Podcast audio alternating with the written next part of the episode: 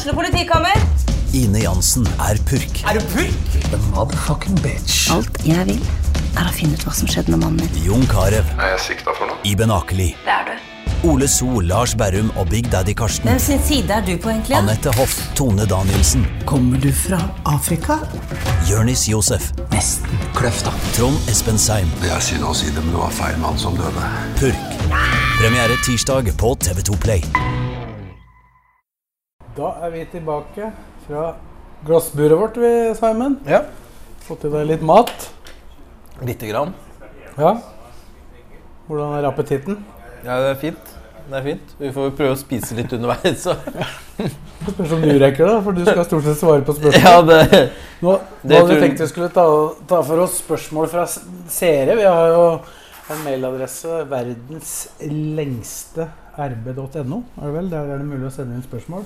Vi kommer nok til å ha en sånn bolk eh, seinere i løpet av disse timene også, men uh, vi har, kan i hvert fall begynne med noen av de vi har fått. Det er uh, en som heter Ole Knai som sier i 2027 hva vil man tenke tilbake på som den viktigste beslutningen i 2022? Altså om fem år. det Da regner jeg man mener i LSK. Ja.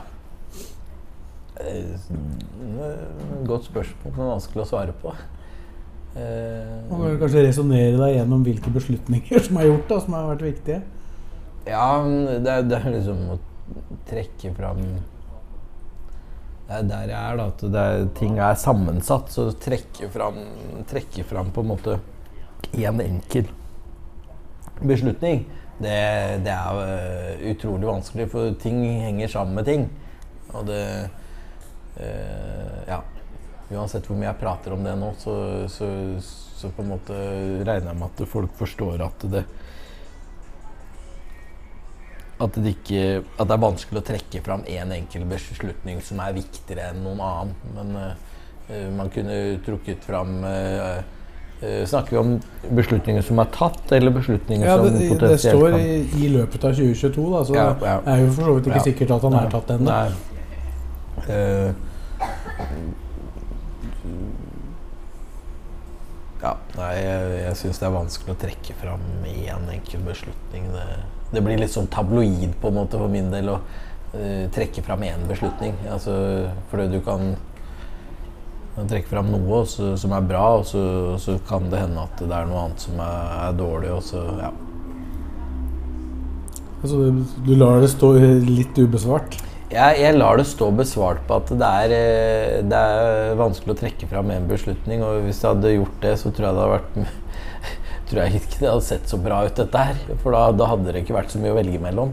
Men det er, eh, det er mange beslutninger hver eneste dag, og det er mange beslutninger eh, store og små beslutninger som er viktige for totalproduktet. Da. I, I hva du leverer ut i andre enden.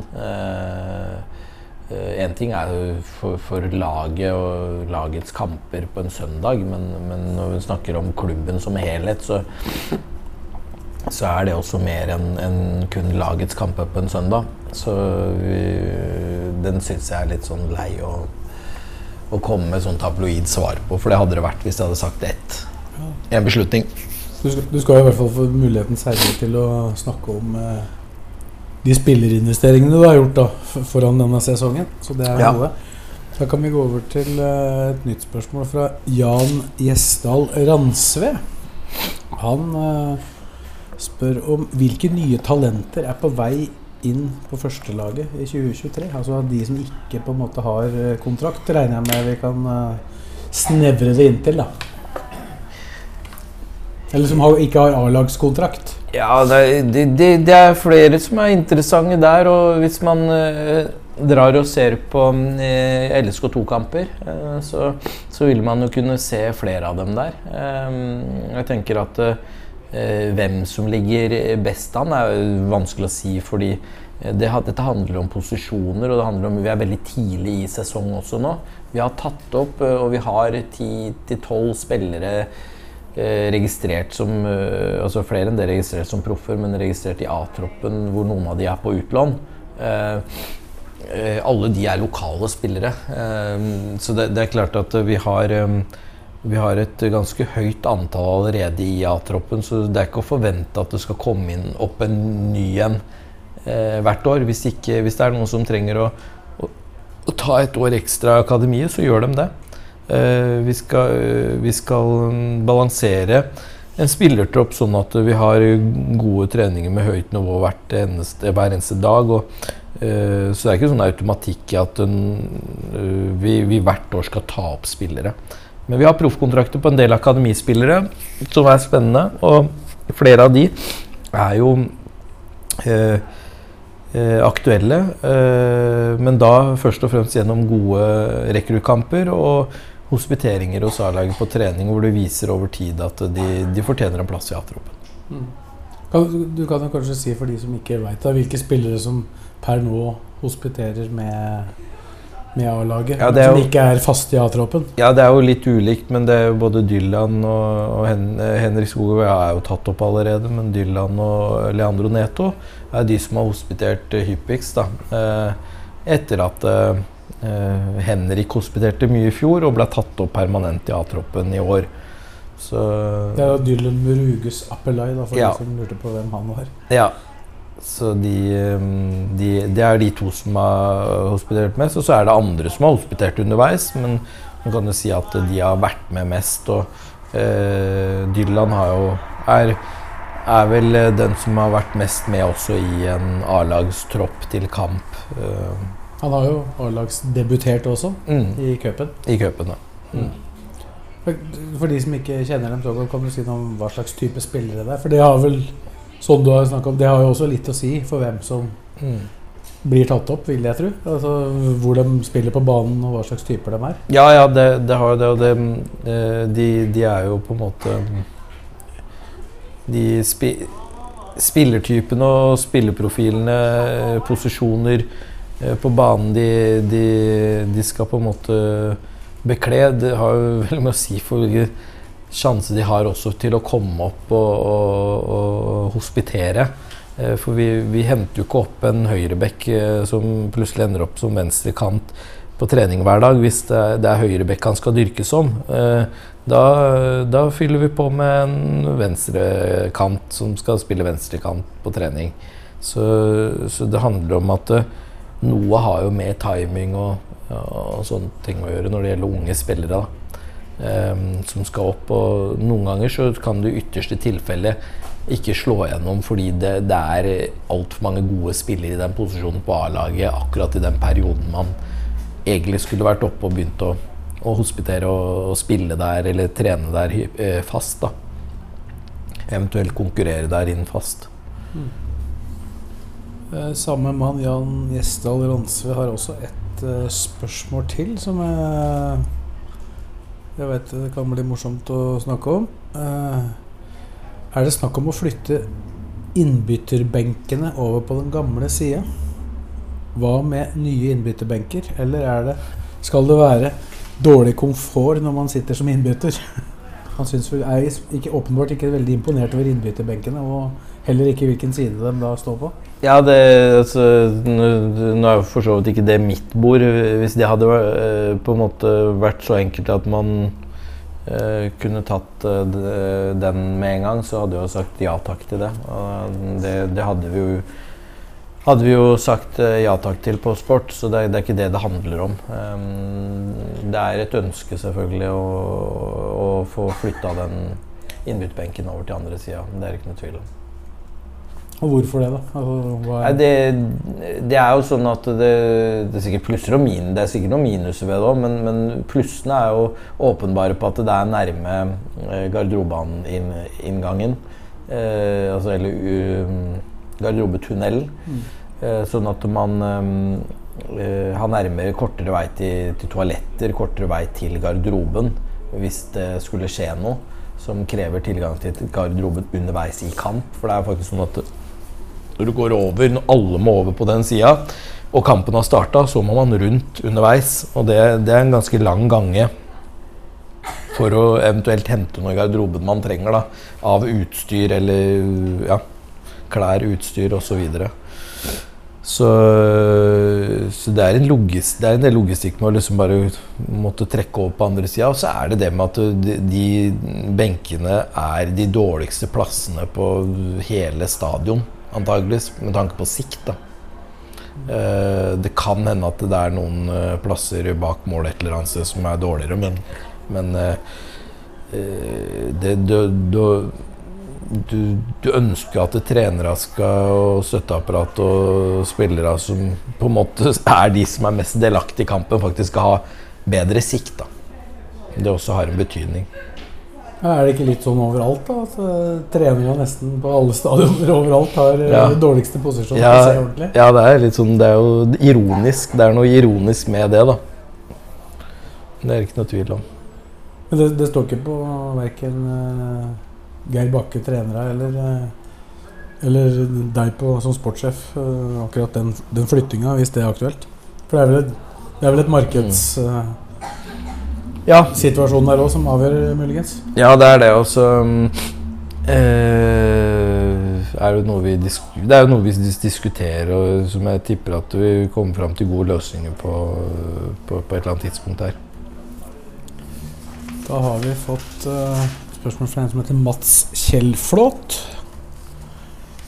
Uh, mulig du har vært innom noe av det, men hvilke personlige verdier og egenskaper er, er du ute etter? Er de ute etter hvis man skal spille eller jobbe i LSK? Og er det noe du føler at mangler, eller dere har for lite av?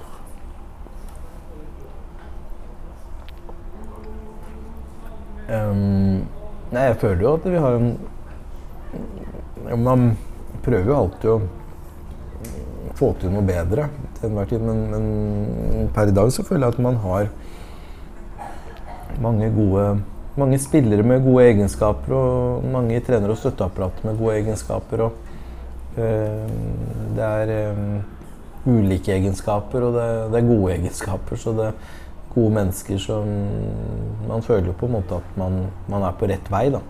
Så er jo dette Det her er jo aldri Det er aldri et punktum her. Det, det blir bare kom her.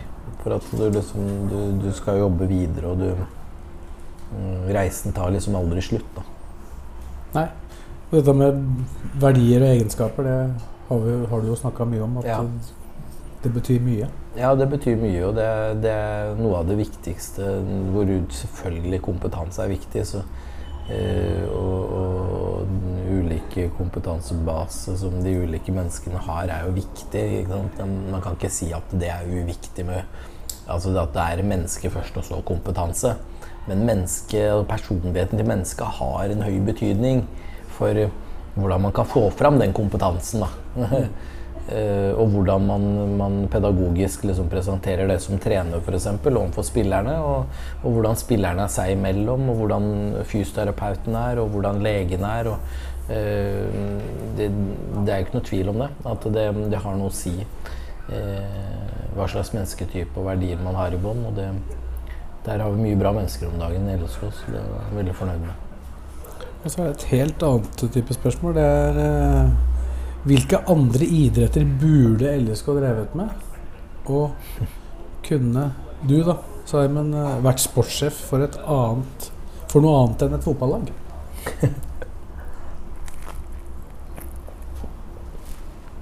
Jeg må spise litt underveis. Jeg tenker at um, Det har jo vært en del andre idretter ja, i LSK, da? Ja, det har jeg ikke helt oversikt over, men jeg skjønte at um, det har jo det har vært noen andre idretter. Bare um, hockey? Nei. Hockey, håndball i hvert fall. Bandy. Så er det en eh, olympisk mester på skøyter, men det var vel bare én eh, mann. Det var Geir Karlstad. Ja. Bandy. Helt sikkert. Uten ja, ja, ja. ja, men det, Jeg veit ikke, liksom Jeg opplever at det, det er liksom idretter idrettslag med ulike idretter i lokalmiljøet. Liksom at uh, ikke nødvendigvis LSK må starte med alt, men det skulle sikkert vært sånn morsomt i et supporterperspektiv hvis uh, LSK f.eks. hadde hatt hockey. da.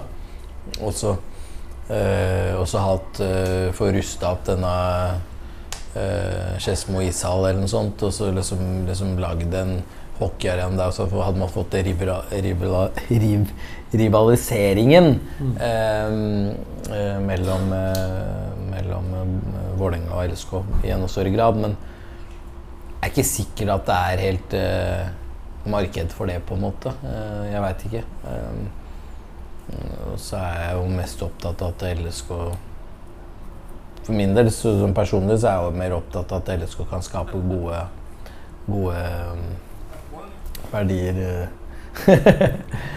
gode, gode verdier eh, for, for de, de idrettene man har, da. kommer jo noen fra styret her, så det er mulig at du kan, kan spørre dem om det burde vært noen flere idretter Ja, i LSK. Ja, ja.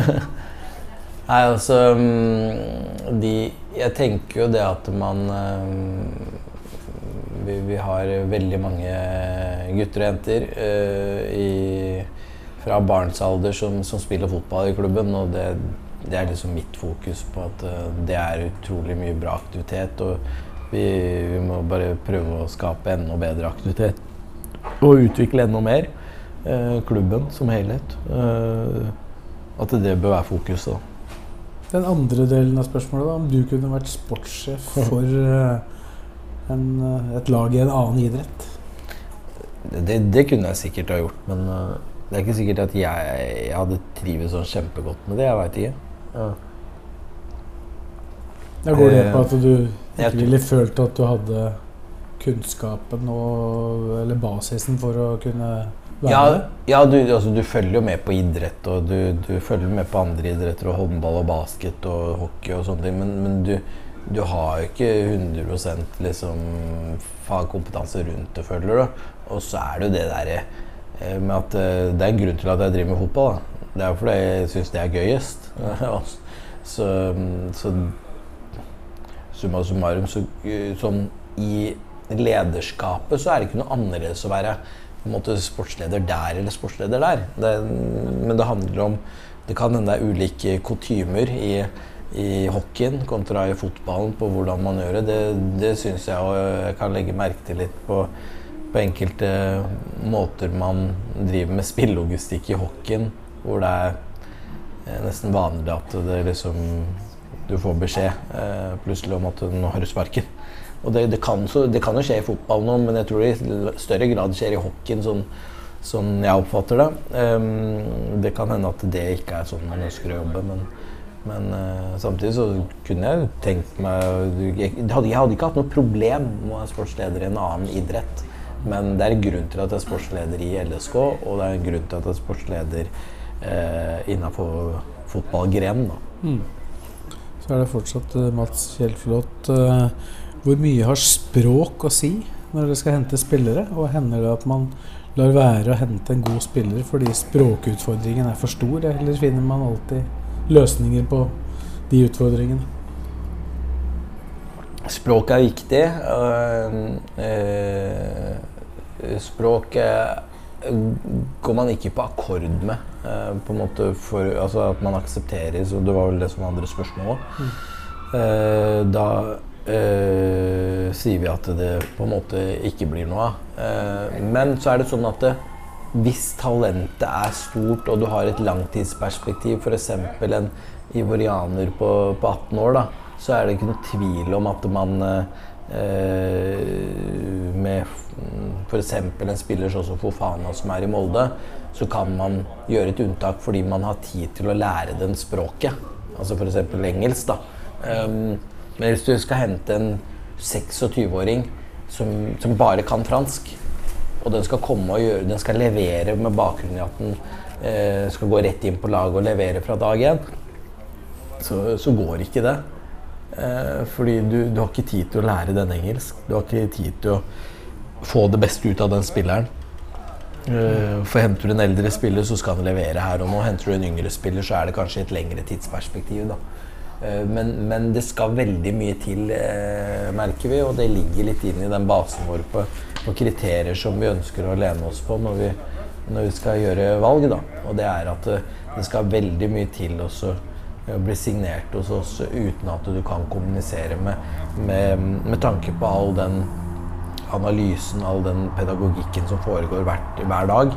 Eh, både, ikke bare på treningsfeltet, men nå også utafor treningsfeltet og i garderoben og på analyserommet, så er det viktig at eh, spillerne kan kommunisere med hverandre, også på å bygge den kulturen som, som er skapt, da, som trenerne har vært flinke til å skape.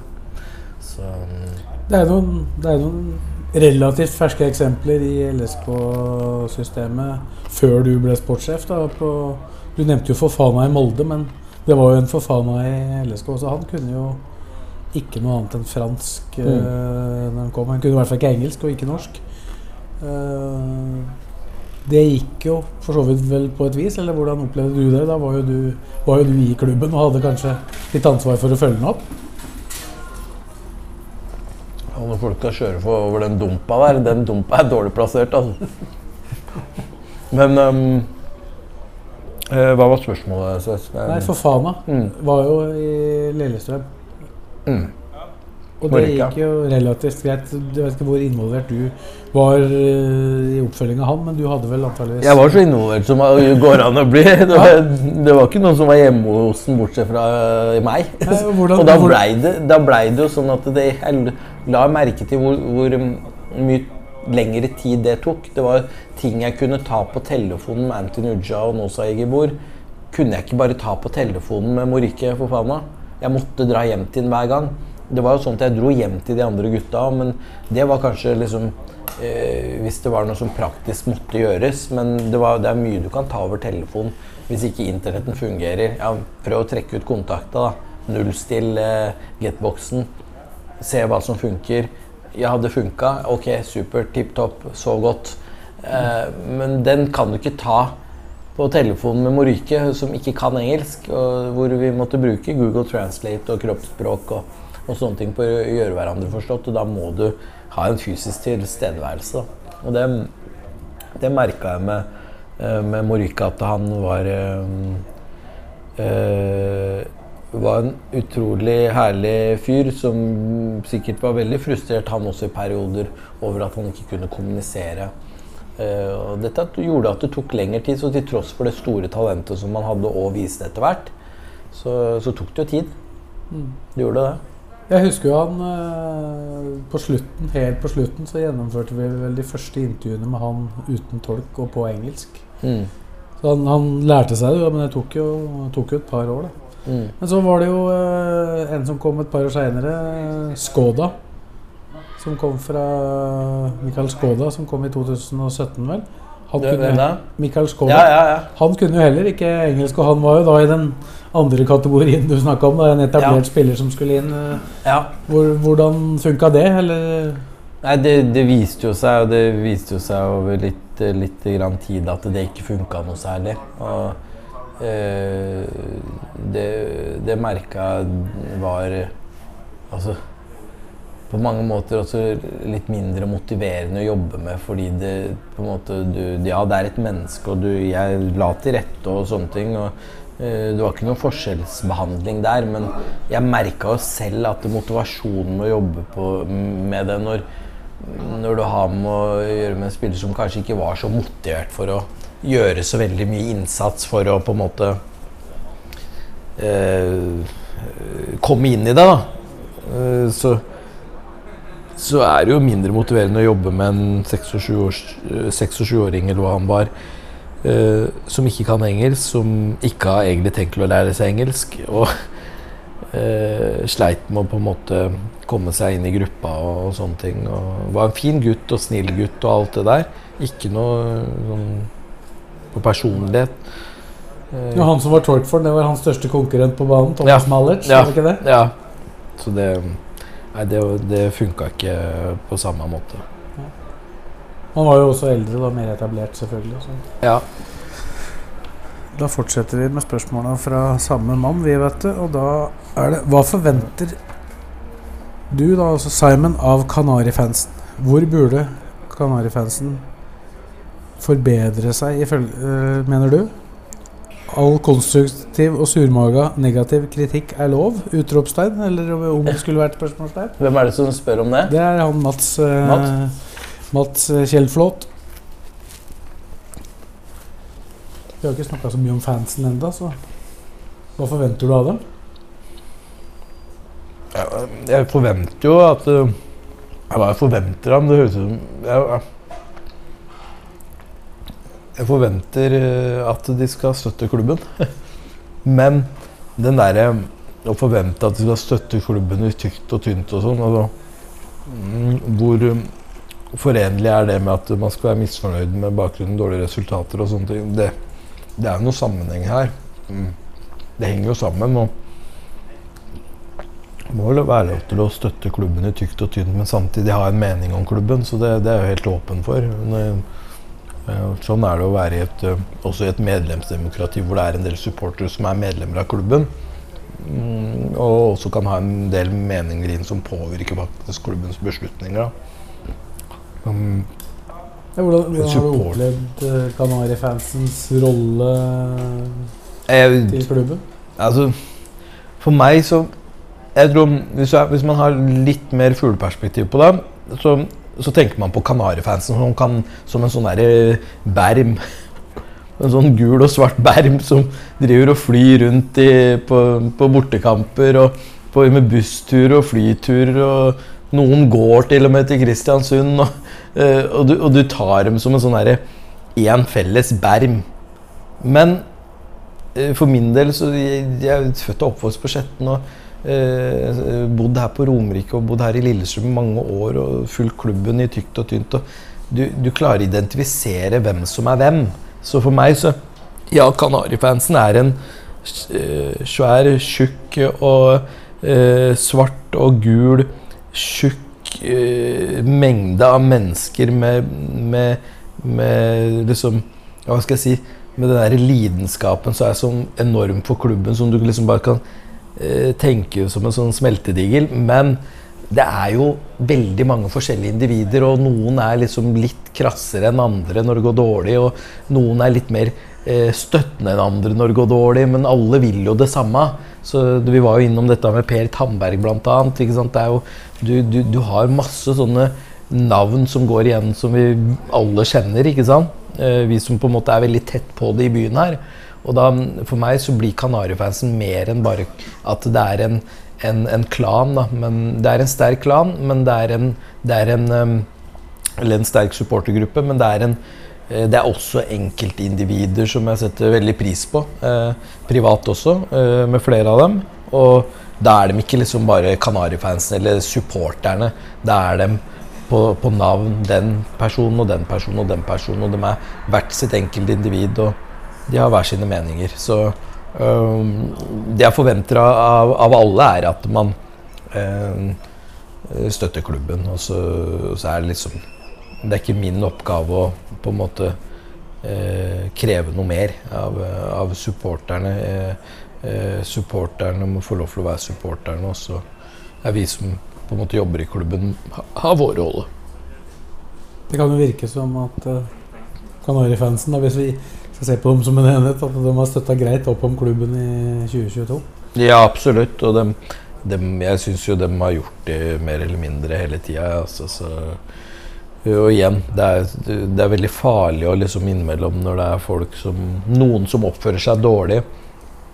Så, så er det veldig farlig å liksom legge hele det merkelappen på Kanarifansen. Men uh, det som er viktig uh, når noen oppfører seg dårlig, er at eh, Kanarifansen eh, bør ha en indre justis som gjør at man, man tar de menneskene det gjelder.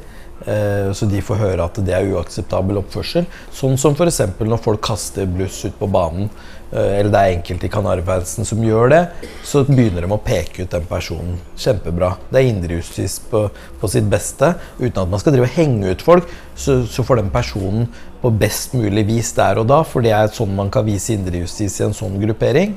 Det er å peke på den, sånn at vaktene kan eh, fritte den ut og, og få den ut av Åråsen stadion. Det skjedde vel senest forrige hjemmekamp da det ble kasta ut ei flaske. Ja. faktisk. Ja, det var vel flaske Det var ikke bluss. Jeg tok jo feil der. Jeg trodde det var Ja, bluss. men det har vært det tidligere. Ja, ja, ja. Eh, så spør samme Mats eh, hvilket annet land kunne du tenkt deg å jobbe i? Da mener, oh. mener, da mener han vel sikkert som sportssjef, antagelig. da. ja. Um, ja, det, det, er godt, det, det er godt spørsmål. Det er, uh, må ikke stille så gode spørsmål, da blir det dårlig svar. Men uh, nei um, Jeg kunne tenkt meg å jobbe egentlig Akkurat nå så har jeg, ikke, har jeg ikke tenkt på noe annet enn å jobbe her i Lillestrøm, og byen min og, uh, og alt det her. Men det kan være i Europa, eh, hvor som helst, eller mange steder i Europa. Og, og utafor Europa også. Det hadde vært eh, morsomt å prøve, men, men eh, Er det noe du har sett Eng- for deg du England hadde jo vært liksom selvfølgelig Man, man er oppvokst med engelsk fotball. Så, man, så England hadde jo vært eh, morsomt. Og, og det er jo der man har eh, mest penger òg. Så, så da, da kan man gjøre noe. Men er det noe du har sett for deg at du en gang i framtida skal gjøre? Jobbe med det du jobber med nå i, i en større klubb i et annet land? Nei jeg, Både ja og nei. Man, det er ikke sånn jeg har tenkt så veldig mye på. Sånn, men eh, jeg ser jo at eh, fotballen blir global. og Man får jo nettverk rundt eh, altså Man har nettverk i MLS er også et sted hvor jeg kunne synes det hadde vært fascinerende å jobbe, for det er litt annerledes. Og jeg har fått nettverk der og, og ser liksom at det, det er en helt annen systematikk på hvordan man gjør ting. På både spillogistikk og hvilken hensyn man må ta med tanke på kvoteringer av ulike typer spillere og økonomi og sånne type ting. Så, samtidig som det, det er noen byer der som er helt fantastiske antageligvis å bo i da, og leve i. Eh, sånn som Miami.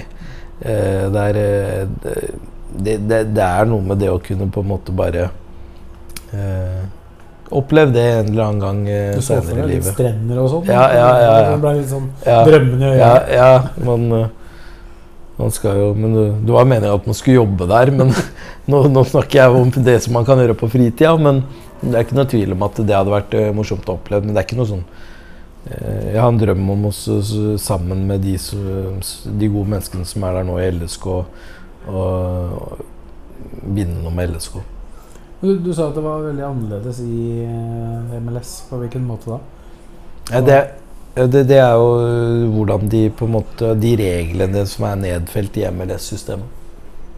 De reglene som er nedfelt i MLS-systemet, øh, som handler om hvordan man kan rekruttere spillere, og hvor mange man har lov til å rekruttere utenfra, og øh, hvor, hva man kan lønne spillere, og hvor mye penger man kan bruke på de ulike parameterne i kontrakten. Det,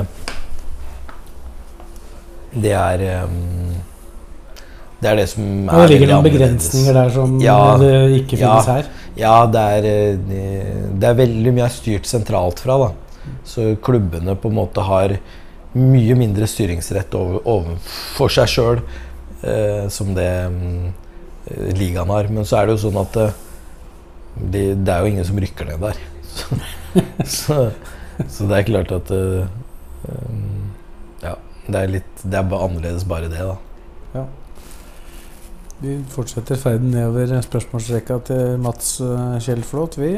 Han eh, spør Det har vi jo muligens vært innom, men du kan få spørsmål likevel. Hvis du fikk full frihet til å utvide trenerteam og støtteapparat med en helt ny stilling, hva skulle det vært? Uh,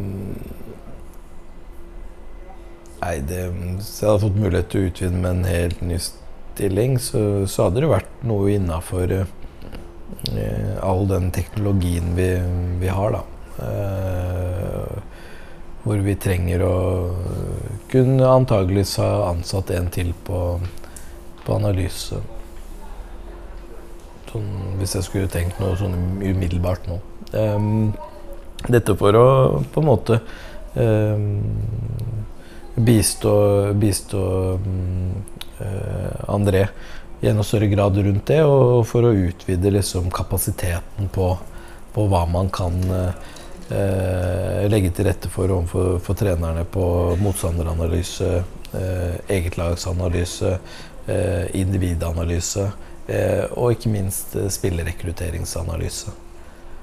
Så um, det begynner å bli ganske bra med fagfelt innafor selve fagfeltet. Den, den stillingen hadde nådd opp før en eh, assistent til deg sjøl. Eh, ja, for den hadde kunne tatt unna en god del. Eh, eh, som er, er viktigere, da. Enn at den skal ta seg av noen leiligheter og, og praktiske gjøremål.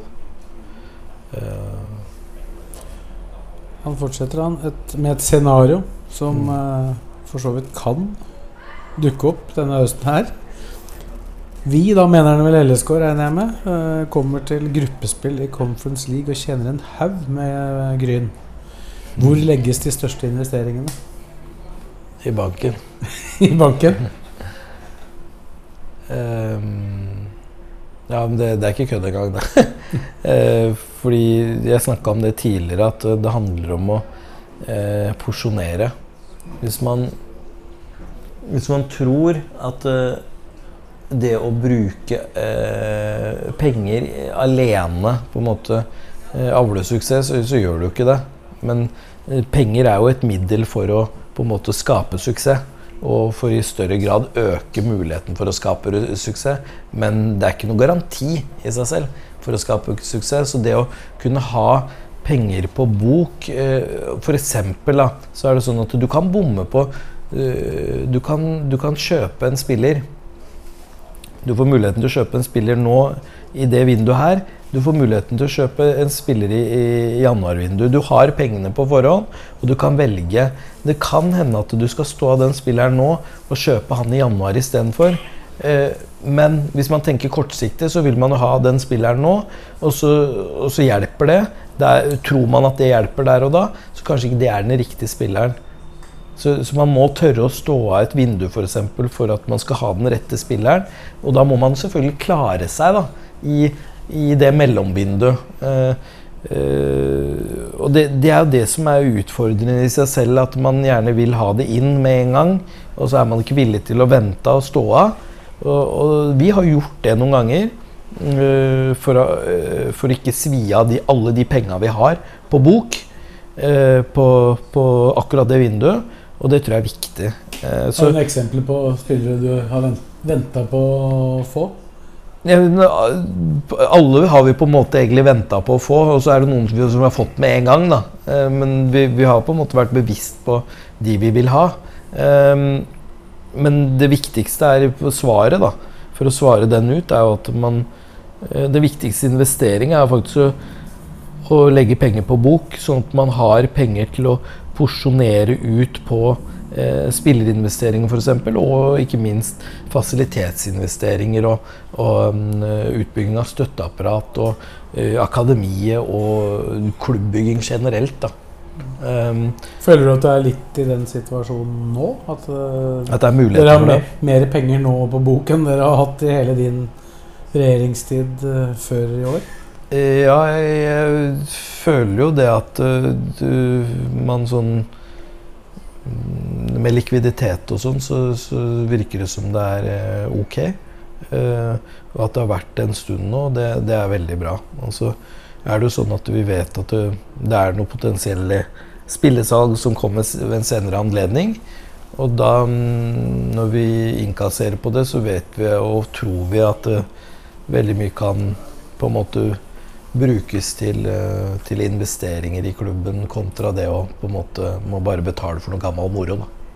Hvor, hvor involvert er du, og hvor mye veit du om den økonomiske situasjonen? Dere er vel såpass få der at det kanskje er tette, tette bånd? Hva tenker du på da? Nei, hvordan situasjonen til enhver tid er med økonomien i klubben?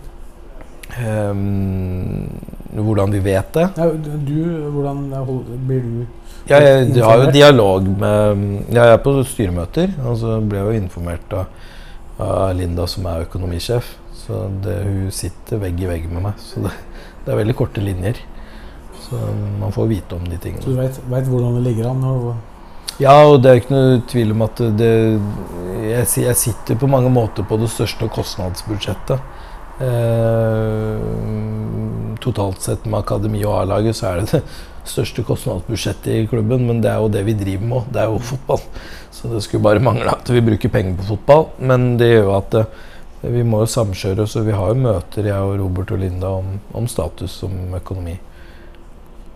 Så bare kjører vi videre med spørsmåla til eh, sammen med Mats Schjeltroth. Vi, vet du. Er eh, LSK virkelig Norges beste lag? Er det spørsmål, eller er det et statement, eller er det Nei, er LSK Ja, virkelig Norges ja. beste lag? Han tenker vel på at LSK for øyeblikket eh, leder serien. Ja, men eh, kan vi si at eh, svaret får du når 30 serierunder er spilt? For det, det blir jo liksom å, å, å, å drive den diskusjonen midt i sesongen. Det får vi se, da. Hvem som er det beste laget i Norge. Jeg skal i hvert fall ikke jinxe dem og si at det er oss nå. Du har, du har ikke tenkt Jeg har ikke tenkt til det. Tabellen får si det, men jeg har ikke tenkt til det. Nei. Men eh, jeg tror at eh, man må, som sagt, se på det når, når sesongen er over, og sitte og si nå at man er altså For det første så har ikke alle lagene spilt mot hverandre én gang. Nei. Og så er det vel greit at eh, siden reglene er sånn at alle lagene skal spille mot seg hverandre to ganger før man kårer en vinner, at man gjør det. Og så, og så skal vi nyte hver eneste dag vi har i toppen av Eliteserien. Og vi skal, vi skal kjempe til det bitre end med å, å vinne masse kamper. Eh, så mange kamper vi kan. Og så skal vi utvikle lag, og vi skal skape profiler. Så tror jeg dette skal bli morsomt det er utover. Men eh, eh, disse andre eh, får krige om å det der, ta det der favorittstempelet om å, å vinne seriegull. Og det, det er flere andre lag som har ambisjoner om det, som har sagt det før sesongen. Da får de stå for det, og så får vi eh, jobbe videre i det stille. Men ved inngangen til forrige sesong så ble det veldig ofte sagt at dere starta som nummer 16, i og med at dere på en måte var det siste Ja. laget som, Ja, som uh, rykka opp. Og så ble dere nummer fire. ja. Vil jeg si at dere egentlig starta på fjerde år, eller hvordan ser du på det? Ja, vi, altså, for så vidt så starter vi med null da igjen. Ja, det gjorde, der- det gjorde ja. alle i fjor òg. Ja, ja. ja men uh, den der starter på 16, den, den har ikke jeg brukt i hvert fall. Nei. Jeg tenker at du, du starter Du starter der du føler at du er. Og så um, har du en sånn hunch uh, ut ifra hva du presterte i fjor, og hva slags lag du har, og, og, og sånne ting, på at, uh, hvor du sånn roughly bør ligge igjen. Og så, og så kommer jo på en måte fasiten mer eller mindre etter hvert. Og nå har vi spilt en tredjedel av sesongen, og vi, vi, bør jo på en måte være veldig godt fornøyd med det som er gjennomført av poengsanking til nå.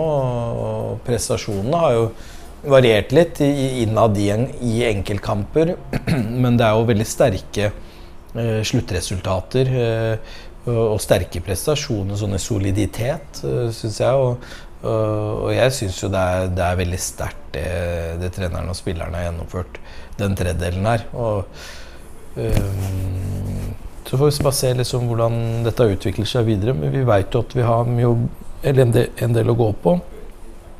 Spillerne har virka veldig sultne, ikke lent seg tilbake og trodd at ting skal gå av seg sjøl. Uh, gyver løs på neste kamp, som skal være den siste kampen i karrieren uh, for enkelte. Så det, det har vært utrolig artig å se at de ikke har Det er ingen som har hvilt på, på laurbærene. Det er ingen som har tatt det rolig. Um, og det, det tror jeg har liksom vært styrken vår òg, på den soliditeten som er levert. Eh, Så går vi videre med det siste spørsmålet til Mats Kjellflot eh, denne omgang. Det veit jeg ikke om du kan svare på, eller om det fins et svar på det. Det må du vurdere. Hvem er spilleren som glapp for deg, Simon? Han vi akkurat ikke fikk tak i, eller som vi mista, eller overså på noe vis under hans periode som sportssjef? Altså, vi, hva, hva slags og han lurer på om det er noen. Ja, om det er noen du har altså, Nei, den er, den er vanskelig å svare på. Øh, for at du liksom akkurat mis... Det, det er jo Når er det du liksom Du veit ikke hva du har øh, hvis ikke du har det. Og du, du altså, det, Ja, det er sikkert an, spillere som man har prata om og prata med, men det er vanskelig å dra fram noen øh, noen sånne tilfeller, altså. Eh, det, er, det er vanskelig. Um, Det er ikke noen som du kommer på som du på en måte var fryktelig nær å få, men som akkurat ikke gikk? nei. Nei, og uansett så hadde jeg antageligvis ikke sagt det. så det. Så det er ikke noe vits å leite etter det i hodet. Men Eh, for det er litt sånn eh, prate om Prate om eh, folk som ikke ender opp her, liksom. Eh, Som kanskje en- endte opp et annet sted. Ja, det Det er det som er interessant med fotball, at det er innimellom så ender opp noen her og noen der. og Noen ganger så lykkes de, og noen ganger så lykkes de ikke. Og det, og, men det er ikke noe fasit at den, er- siden en lykkes der, så hadde den lykkes her, og omvendt. Det, det er ikke noe fasit i. Eh, De fleste i LSK huske vel Clayton Said. ja, ja. Det er nettopp det. Det er veldig godt sånne eksempler som blir dratt fram i ny og ne. På når man skal finne fram til sånne eksempler. Så, Da skal vi over til en veldig kjent eh, spørsmålsstiller i ulike podkaster. Benjamin Sars. ja. Han øh, har jeg lagt merke til en del podkaster pleier å få avslutte Avslutte Ja, det- Han, eh, Men øh, han er tidlig han, ute er, her. han er tidlig ute her. Her har vi ikke kommet til ti timer engang, eh, Benjamin. Men uh, han starter med det første spørsmålet. Harde mottaks betydning for interessen rundt LSK? Både for engasjementet og i kroner og øre. Den var, den var omfattende. Ja. Harde mottaks betydning for mottak er da en podkast for de som eventuelt ikke veit det. Ja. Uh, men han Hvor lurer Han lurer på deres betydning for uh, interessen rundt LSK. Både når det gjelder engasjement og Ja. eventuelt da kroner og øre. Det er mulig at det er litt Ja. å måle det. Ja, det, det er vanskelig, og det er i hvert fall ikke det, noe jeg sitter og, og kalkulere inn. Det, det får jo andre prate om, det med kroner og øre, men på engasjement så er det ikke noe tvil om at det, det merker jeg jo. eh, som bor i byen her og, og er på en del av de eventene når det er eventer og, og sånne ting. At det er en De er jo med på å initiere et engasjement der som eh, ja, sammen med Kanarifansen virkelig får, får LSK på kartet. Da. Ikke bare, ikke bare um, gjennom uh, i interesse fra andre LSK-ere, men også gjennom andre supportere som uh, i Fotball-Norge holder med andre klubber. da. Som uh, på en måte vier sin interesse til LSK med bakgrunn i mottakets uh, podkast. Du fikk jo en brutal start på podkastlivet sitt med tanke på de sportslige resultatene. da. Ja. Kom rett inn i relativt tunge tider. Ja, men jeg tror Er det ikke, det, er det ikke litt motsatt, da? At det, det må egentlig går, går, veldig bra. Hvis, så lenge det er, eh, ikke er så positivt med, med LSK. Eh, fordi da er det ekstremt mange andre som da følger LSK for å høre eh, Eller følge, følge podkasten eh, Harde mottak for å, for å følge øh, negativiteten rundt LSK. da. Mm. Mm, At det blir litt sånn um, Ja, du mener at det er, færre, det er færre lyttere fra Når det- andre når steder går bra? Når det går bra, Ja, ja. fra andre Ja, steder, jeg, jeg tror det. Jeg tror det, Og så tror jeg at um, det blir litt sånn naturlig. Og så er det selvfølgelig vanskeligere å, å lage, lage podkast når det, det er mer å prate om, det er mer å ta tak i sikkert når det er mye negativt. Det, det er ikke så unaturlig, det. Sånn er det. Vi skal jo nok bevege oss etter hvert uh, litt bort fra fotball, kanskje. Det kan sikkert være greit, uh, Simon. Er det underkommunisert hvor bra det er å vokse opp på landet kontra det å vokse opp i byen? Ja, det, det kan nok hende. Eh, jeg har alltid tenkt på det når du driver og kjører rundt på landet. Eh, så sier jeg til den jeg kjører med, om det er fruen eller hvem det er, jeg sitter med at jeg Tenk å ha bodd her. Eh, Og så er det bare sånn random sted så, hvor det er ofte lange avstander mellom boligen og til butikk osv. Så, videre. så er det jo sånn at man må jo reflektere over det at hvis man er oppvokst der, så er det jo antageligvis enklere enn hvis man f.eks. har bodd i Oslo hele livet. Eh, eh, midt på Sankthanshaugen eller et eller annet, og bare plutselig flytter til, eh, til Setskog, da, på en måte. Eh, så kan det hende at man føler at man er langt unna ting. Men, eh, så ja, jeg, jeg tenker at å bo på landet er, er underkommunisert. Skulle du ønske at du hadde gjort det i gitte settinger? Ja, det er jo noen ganger eh, spesielt. eh, Hatt et eh, lite feriehus på landet og sånn. Det tror jeg hadde vært veldig koselig, egentlig. Rekreasjon. For selv om Skjetten ikke er en, eh, har bystatus, så regner du det som å vokse opp i by, og vokse opp i Skjettenbyen, som det het. Ja, det, det var jo Det var jo noe, noe åker der òg, men det var ikke Det var mye Det var et tett sted, så det var et tett mellomsted. da. Eh, mye tettere enn ute på landet. Så er jeg usikker, usikker på svaret ditt her, men det er mulig du må telle. Finnes det flest dører eller hjul i verden? Altså drive med sånn Er, er det noe morsomhet, så merker jeg at det, det, den som har sendt inn et spørsmål og ser på skjermen der at det har gått snart ti timer med intervju, skal begynne med sånn derre eh, Det er for så vidt ikke han som har bestemt tidspunktet på spørsmålet. da. Nei, det er ikke men at Han regna vel ikke med at det skulle komme først. Komme med sånn Hvem, det, hvem er Det det? er Benjamin Sars. Benjamin. Å drive med sånn tull nå det, Når vi Faen, jeg, jeg har nok med å prøve å konsentrere meg om spørsmålene til Svesengen. Men er det en øh, Er det en, bare, gåte? hvis, er det en ser ut, hvis du ser ut av vinduet, her, da ser du flest dører eller flest hjul? Ja, men hva er det han øh, Spør han meg Ja, om Om det det? finnes flest dører eller hjul Ja, hvor hen da? i verden. I verden? Ja. Dører eller hjul? ja. Altså, du må Ja, du Jeg veit da faen, jeg. Altså, er det Antageligvis akkurat like mange. Ja, men hvordan kan du vite det? Du ser noen hjul her. Og... Ja, men hvordan kan Er det Det, det, er- det er ikke et Har- svar, det er ikke et svar her, nei. Nei, det er ikke noe svar her, nei. Ja, det var bare et spørsmål, akkurat Ja. som vi skulle vite det? Ja, Oh, ja.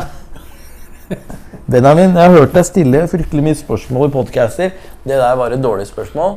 Du har stilt fryktelig mange gode spørsmål, men det der var et Nå- dårlig spørsmål. Nå skal du få et fra Benjamin Sars som du føler deg litt mer hjemme på.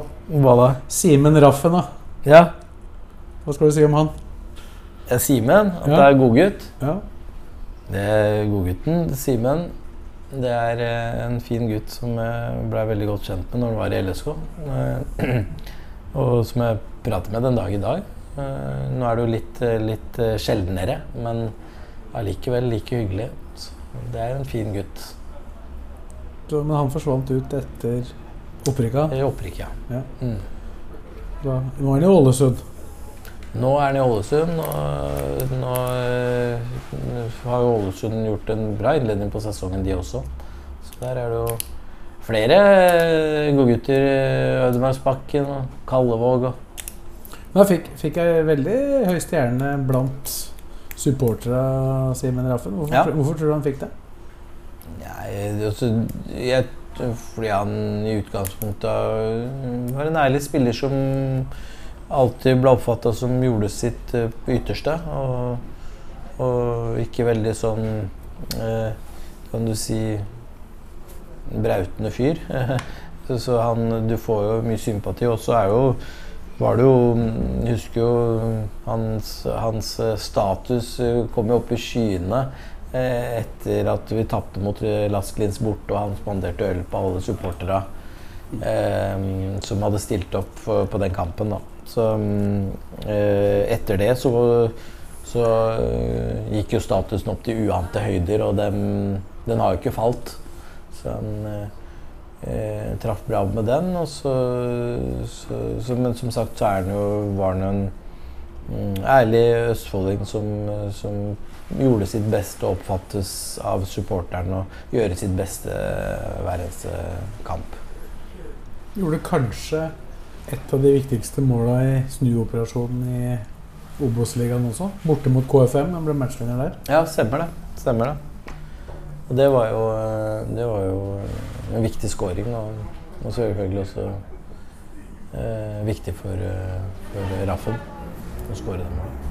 Ja, for da kom han jo, så vidt jeg husker, tilbake igjen etter å ha vært eh, borte en eh, liten Mm. periode. Mm.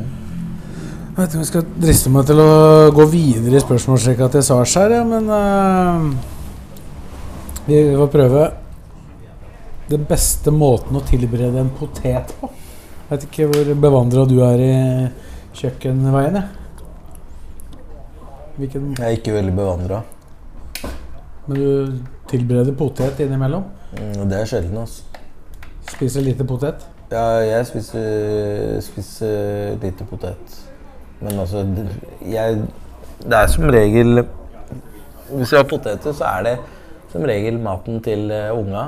Og så er det fruen som gjerne skreller de potetene òg. Men eh, hva er, hva er liksom kok- Du kan jo tilberede potet på mange forskjellige måter. da Spise, Ja. Jeg vet ikke hva, hvilken type potet du liker best. Men hva er spørsmålet, egentlig? Nei, hvordan du, hvordan du Hva er den beste, beste hva er min beste Ja, måte ja. å tilberede potet på? Det er, det er jo koken, liksom. Det er det beste. Ja, jeg har ikke noe Du har Du kan gjerne, kan gjerne steke den og lage båter og steke den, liksom. Hvilken type potet liker du best å spise, eller spiser du aldri potet? Ehm, jeg spiser Jo, jeg spiser jo poteter, men uh, spiser en del uh, poteter, Mariannes-poteter på Åråsen, og da blir det ofte til at jeg ikke orker å spise f.eks. poteter to ganger om dagen. Det, når man spiser lunsj varm lunsj på Åråsen, og så skal du spise poteter hjemme, det er ikke sånn veldig Da, da dropper du den. Da dropper jeg den. Sånn er det. Men eh, poteter er poteter, og de kan tilberedes på mange ulike måter. De må, det, har ikke noen sånn favorittmåte å gjøre det på, men noen ganger så passer det med kokt, og andre ganger så passer det med stekt. Og det, da går det i ulike varianter på det. Det høres bra ut. Uh, hvilke julefilmer er de beste for deg? Julefilm det, det er jo på en måte disse mm, alene hjemme-filmene. Er jo koselige, på en måte, eller morsomme, da. Og dem eh, prøver jo liksom eh, Fruen også prøver å få barna til å på en måte bli kjent med disse filmene som blir gjengangere i løpet av eh, julehøyt og andre høytider. Da. Så mm, Alene hjemme jo, kan jo være liksom noe som er lett for unga. Og og så syns jeg det er litt gøy å se på. da. Det er som å sitte og se på en eller annen romantisk komedie som unga ikke skjønner noen ting av. Det er jo Men alene hjemme, det Den funker. Den funker. Det slår an. Er det filmer du på en måte vokste opp delvis med, eller? Ja, det er jo det. Så det Er det sånn at du kan se dem hvert år uten at det egentlig det er ikke noe ja, du merker jo at det Du veit jo hva som skjer, men Ja, ja de må ha fått noen helvetes royalties på de. Eh, sånn som det og Wam-sangen som går hver Last Christmas hver eneste Christmas, liksom. Det, det er klart at du De har eh, De har lagt inn noen hitsongs og noen hitfilmer eh, som, som får mye penger. hva er favorittbutikken din? Favorittbutikken? Altså sånn Det kan jo være hva slags Ja. type butikk som helst, da, for så vidt. Ja, butikk er butikk. Nei, altså, hva er det som ikke er favoritt? Altså, eller Jeg er ikke så veldig glad i butikk. Generelt. Ja, generelt. Um, så drar jeg dra handler på butikken Hvis jeg skal handle klær, så er det ofte at jeg heller gjerne bestiller noe eh, på nett. Eller, og hvis jeg drar, så kjøper jeg alltid så jeg har for eh, lang tid framover.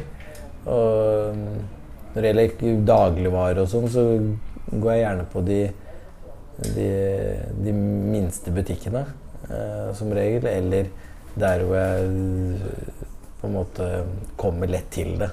Der jeg veit hva jeg skal ha, og, og det ikke er så veldig langt til kassa. så jeg er ganske sånn eh, Jeg er ikke så veldig glad i å gå i butikk. Lørdagene de, de, de er ikke på storsenteret. Nei, det, det var før i, når jeg var yngre. eh, men ikke nå lenger. Da var det mer da, altså. Ja, da var jeg der en del. Det, da var det annerledes. Da var det litt å henge og møte andre og sånne ting. Men, men nå er det Nå er det kun det som er nødvendig. Så skal vi bytte sjanger på spørsmålet igjen. Eh, Da gjelder det i hvert fall eh, fotball delvis igjen. Da. Hva syns du om Eurosport og måten de har forvalta rettighetene til de har hatt på Eliteserien? De er jo på utgående rettigheter nå. Jeg syns jo at det har vært veldig Jeg syns det har vært svakt. Sånn. Og det, det handler ikke om de menneskene som har til enhver tid levert uh, av produkter, for de, de veit de har gjort sitt beste ut fra forutsetningene. Men uh, jeg syns jo Jeg syns jo det, det kunne blitt gjort langt bedre, og det, det tror jeg de fleste Ja, på, på, hvilken, på hvilken måte da? Nei, det, det er jo altså, hvordan man har bygd opp produktet. Det handler om hvordan man eh, Nå, nå syns jeg liksom du tok seg opp litt på eh, på, på derbykampen vår sist nå, men TV 2 er jo med der og på en måte drar det litt med sine sendinger for å skape, skape den oppbildninga før kamp og underveis. Eh, det, det handler om at eh, Kort fortalt så det, handler det om hvor mye tid man er villig til å bruke på produktet i løpet av en uke. Og det, det syns jeg ikke har vært eh, i nærheten av den tidsbruken man burde brukt på, på, eh, på kampene og, og på, eh, i mellomkampene for å bygge opp eh, kampene. eh, og, og hvordan man gjør det på kampdag med kampdagssendingene osv. Og, og ikke minst hvordan man gjør det på, på mm, eh, etter eh, og, og inn i fotballrunden, hvor du også kunne brukt mye mer tid på å bruke den teknologien som bl.a. dere bruker i, i, eh, i Studio Åråsen, hvor man har teknologi, og ganske mye rimeligere teknologi nå enn noen gang, på å kunne bruke eh, eh, analyse inn i, i kampene der. Det, det, man prøver, og det er derfor jeg sier at det, eh, de som er der nå, og de som har vært der opp igjennom, eh, har jo prøvd eh, så best de kan innafor eh, de ressursene de har. Men eh, det, er jo, så de, det er ikke de jeg er ute etter, men jeg er ute etter de som på en måte eier rettighetene. Mm. Og hvordan, hva de har Ja, fint at de har brukt penger på, på en måte å betale for rettighetene, men eh, Og de har ressurser til å bruke på å forvalte rettighetene på en annen måte, men det er på en måte et valg som sikkert blir styrt fra langt utafor Norges rike. Det blir et skifte der nå, da TV 2 kommer tilbake igjen. Hva, hva tror du om det? Ja, det, vi gleder jo oss til det, selvfølgelig. Eh, Det er eh, De har jo på en måte eh, Gjennom det de tidligere har vist, hvordan de forvalta medierettighetene til Eliteserien tidligere, vist at de kan stå bra i dette her. Og så, og så har de vist gjennom nyere tid og Premier League-sendingene at de eh, også har utvikla eh, produktet Premier League, og det håper man at skal skje på, på samme måte med Eliteserien. Så det, det tror jeg de fleste er glad for. Da tenker du på en måte at det vil bli mer altså, Jeg vet ikke om du husker tilbake til den, den tida hvor TV 2 sist uh, hadde rettighetene, men uh, den, den ukentlige oppdateringa, er det den du, den du tenker på? Ja, den er jo med på å bygge opp, eh, bygger opp eh, sendingen inn mot kamp. ikke sant? Og det, det å ha Men det, det forst, jeg forstår jo det òg, så det, det er jo ikke svart-hvitt. Discovery har ikke de derre eh, nyhetssendingene. De har ikke egne plattform for nyhetssendinger. Og det har på en måte TV 2, da. Eh, og de har mange ulike plattformer, og de har en egen kanal som kan sende nyheter hver eneste dag. Og så har de nyhetssendinger i de andre plattformene sine, som gjør at de har muligheter for å stikke inn eh, saker som bygger opp det produktet de har kjøpt. da. Eh, som de da har, skal sende på søndager, da. Eller på lørdager. At det blir mer et helgeprodukt enn et ukeprodukt? da. Ja, at, de, at det blir en kombinasjon. da. At helgen, eller ukene bygger seg opp til helg.